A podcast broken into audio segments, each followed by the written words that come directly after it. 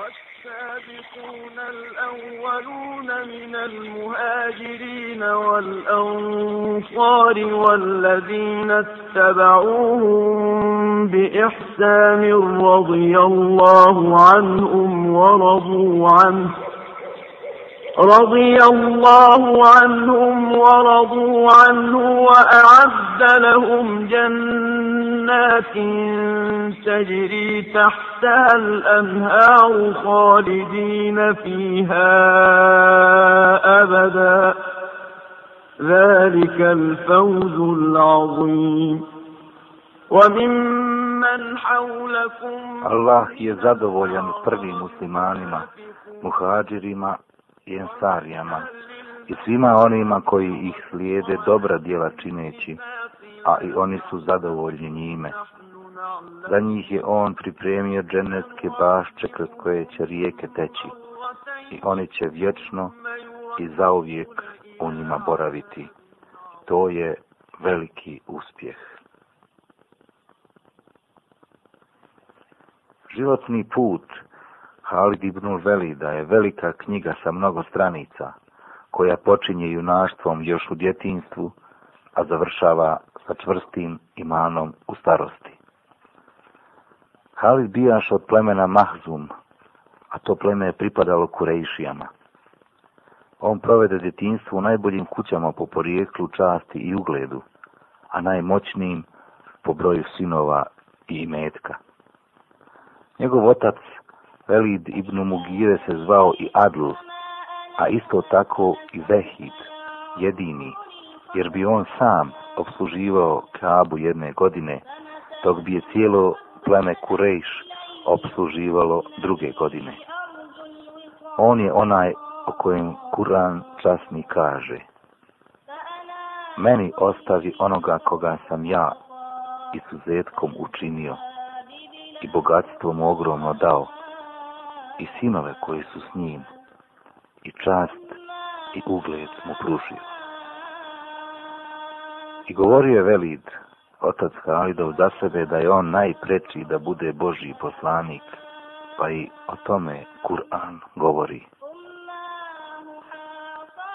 Trebalo je da ovaj Kur'an bude objavljen nekom uglednom čovjeku iz jednog od ova dva grada. U takvoj bogatoj, raskošnoj i brojnoj porodici rođen je Halid 34 godine prije hijđre. Bio je visok, snažan i lijep muškarac, fedra i brijeda lica.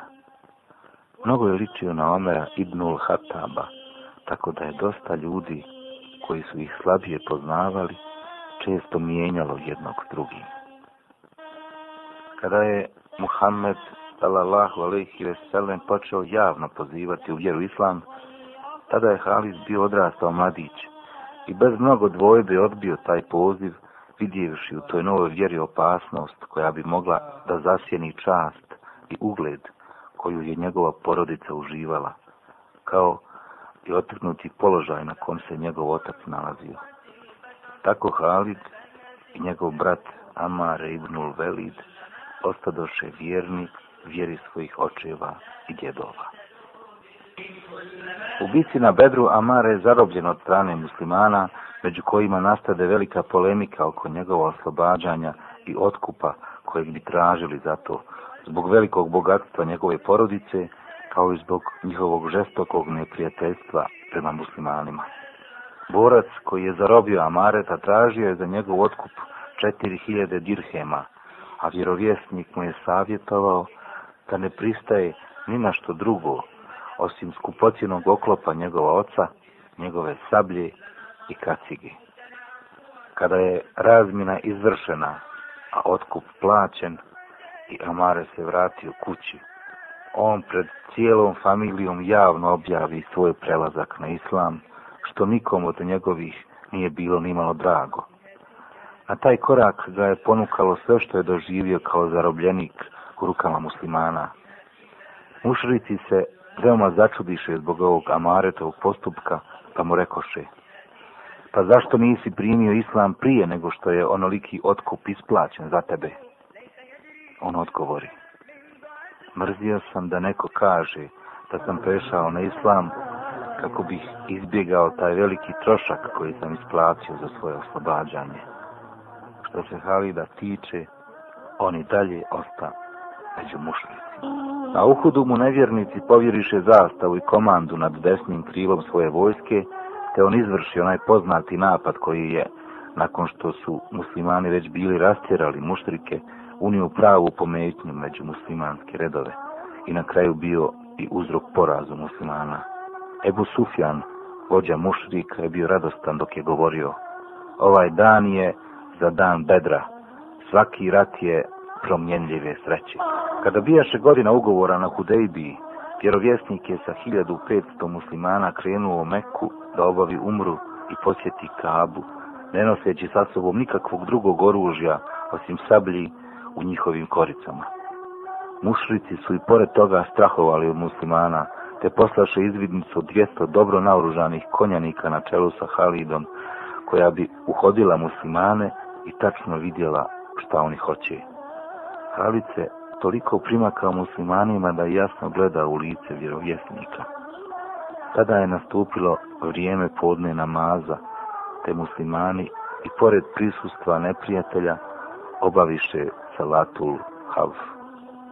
Khalid znao mi da u tom momentu izvrši napad na muslimana i tako konačno likvidira vjerovjesnika, ali ga spriječi njegov mir, skrušenost s kojim su se molili Allahu kao i neko unutrašnje nezadovoljstvo koje posjeduje svaki junak da tako mučki napadne nespremnog i gotovo nenaoružanog protivnika.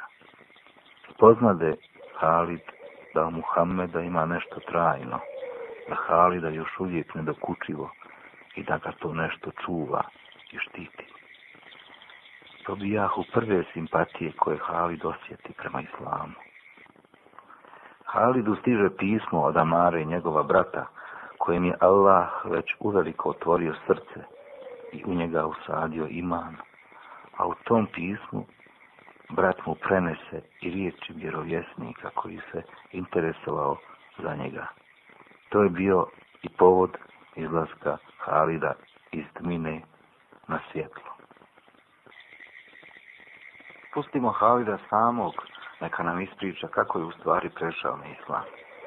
Kaže Halid. Kada je Allah odlučio da od mene bude ono što je on htio u moje srce ubaci ljubav prema islamu i neka dilema stalno bijaše prisutna u mojim razmišljanjima. Eto, rekao sam sebi, koliko sam već sukova imao sa Muhammedom kad god bih se vraćao kući, imao sam osjećaj da nisam ništa postigao i da će Muhammed na kraju ipak pobjediti sve nas. Dok sam se ja lomio u tim razmišljanjima, stiže mi pismo od brata u kojem stajaše. U ime Allaha milostivog, samilosnog. Ništa mi čudnije nije od toga da ti još uvijek lutaš nisi prihvatio islam kao svoju vjeru. Pametan si, pa još jednom dobro razmisli o svemu. Islam je nešto što se ne da opisati i čemu se niko ne može oduprijeti. I vjerovjesnik me je pitao za tebe jedan put ovim riječima, pa gdje je Halid? Zavešće ga Allah uskoro, ja mu odgovorih kada bi on svoju sposobnost i hrabrost ustupio muslimanima, kada bi to iskoristili protiv mušlika, bila bi to velika stvar i za njega i za nas. Dali bismo mu prednost nad mnogim drugim. Pa zato, dragi brate, požuri sa svojim spasom, da što prije nam doknadiš ono što si propustio. Dalje priča Halid. Kada mi stiže to pismo, za želje da što prije krene u Medinu, obradovan riječima Allahova poslanika. A kada sam čvrsto odlučio da krenem, počeh razmišljati koga da zovnem sa sobom da mi pravi društvo u putu. Tako sretoh Safuana ibn Umeja, pa mu to predložih a on mi na to odgovori. Kada bi sve kurejšije izginule, a samo ja ostao, opet ne bih htio poći za tim čovjekom. Pomislih, ovaj čovjek ima opravdanje, jer na bedru su mu ubijeni otac i brat. Kasnije naiđoh na Ikrimu Ibnu Ebi Džehla, i ponudih mu da ide sa mnom u Medinu, a on mi odgovor isto što je Safvan. Ja mu rekao, zaboravi to što sam ti spomenuo.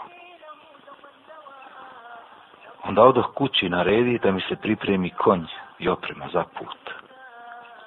Još sam namiravao da porazgovaram sa Osmanom Ibnu Ebi Talhom, koji mi je bio još veliki prijatelj ali sjetivši se ko je sve od njegovih ubijen, odusta od toga. A zašto bih i tražio koga da ide sa mnom, pomislih, i onda bez oklijevanja krenuh. Tada sretah Osmana, ispričah mu kako sam naumio da ga zovem sa mnom pođe muslimanima i kako sam odustao te namire, a on mi se odmah odazva i zajedno krenu smo put Medine. I dok smo putovali, sretao smo Amr ibn al-Asa, koji nas pozdravi i upita, dok li putujete? Ali mu rekao smo, a kuda si ti krenuo? Recite vi meni prvo kuda ste krenuli, ponovi Amr. Želimo da primimo islam, odgovori smo mu. Pa to je i mene natjeralo na putovanje, dodade Amr. Tako nastavi smo putovati zajedno. Stigo smo u Medinu gdje me dočeka brat Amre koji mi reče Požuri, Allahov poslanik je već upoznat u tvom dolasku i čeka na tebe. Požurih prema mjestu gdje je bio Allahov poslanik, a kada me ugleda, neprestano se osmjehivao i gledao me ravno u oči. Pozdravih ga i oslovih sa poslaniče na što on od pozdravi nasmija na lica. Tada pa rekoh, vjerujem i izjavljujem da je samo Allah Bog i vjerujem i izjavljujem da si ti Allahov poslanik. Poslanik reče, hvala Allahu koji te uputio. Znao sam da si razuman čovjek, i očekivao sam da te tvoj razum navede na ovaj korak. Od tog dana Halid se svim bićem i dušom i tijelom predao islamu neprestano se kajući za sve ono što je propustio od početka pojave islama. Jedan put Halid reče Muhammedu sallallahu alaihi ve sellem O Allahov poslaniče. Dobro znaš koliko sam se puta borio na strani laži, a protiv istine. Moli uzvišenog Allaha da mi to oprosti. Vjerovjesnik uputi dovu Allahu riječima. Moj gospodaru, oprosti Halidu sve što je učinio na putu odvraćanja od tvoje vjere. Halid bijaše zadovoljan što mu je Allaho poslanik učio dovu i kao da mu neki teški teret spade sa pleća. Kada je vjerovjesnik odlučio da osvoji Meku, uputio se prema njoj iz četiri pravca. On je komandovao glavninom muslimanske vojske. Ebu Ubejde ibnul Džerrah je vodio prethodnicu, Zubeir ibnul Avam je komandovao desnim, a Halid ibn Velid lijevim krilom. Tako se Halid vrati u Meku kao vojskovođa, a od njegovog prelaska na islam proteklo je svega nekoliko mjeseci. Kada je vjerovjesnik preselio na bolji svijet i halifa postao Ebu Bekr es Sidik, neka je Allah s njim zadovoljen, Učestvovao je Halid u vrijeme njegovog hilafeta u svim ratovima protiv otpadnika od početka do kraja i u tim pobjedama njemu pripada veliki udio. A kada su muslimani otpočeli pohode prema Persiji, Halid je u tim ratovima odigrao ulogu kakvu niko drugi nije. U 15 bitaka protiv Persijanaca njihovih pomagača, Halid sa svojom vojskom nikada nije poražen, niti je učinio kakvu grešku. A u pohodima protiv Bizantinaca imao je Halid čast da predvodi muslimane u bici na Jermuku, najvećoj od svih bitaka koje su vodili muslimani. Ali Halid je dostigao vrhunac slave kada mu je stiglo pismo od Omera ibnul Hataba, neka je Allah s njim zadovoljan, drugog halife, u kojemu oduzima komandu i mjesto vojskovođe. Iako je bio u jeku najvećih pobjeda, Halid se pokorio naredbi halife i komandu predao svom nasljedniku. Uz potpuno duševno zadovoljstvo, veliki i neporaženi vojskovođa Halid ibn Velid posta običan borac u muslimanskoj vojsci, nakon što je bio zapovjednik iste te vojske. Kada je Halid obolio, i osjetio da mu se smrt prikučila, plakao je što na taj način završava njegov dunjalučki život. Prisutnima, kojima je bilo čudno zašto plače, Halid je rekao, Tako mi Allaha nimalo mi nije žao što umirem. Žao mi je što nakon tolikih bitaka koje sam vodio, i posle kojih nema ni jedan dio moga tijela, nikoliko pedalj veliki, a da njemu nema rana od sablje, koplja ili strijele, ja umirem ovako kao neki stari konj ili deva. Allah Đelešanuhu je odredio da junak kao što bijaše Halid, za kojeg je vjerovjesnik rekao da je sablja od Allahovih sablji ne pogine kao šehid, nego umre prirodnom smrću. Neka se Allah smiluje Ebu Sulejmanu, kako su mnogi zvali Halida, jer zaista je on bio jedinstvena ličnost među ostalim ashabima.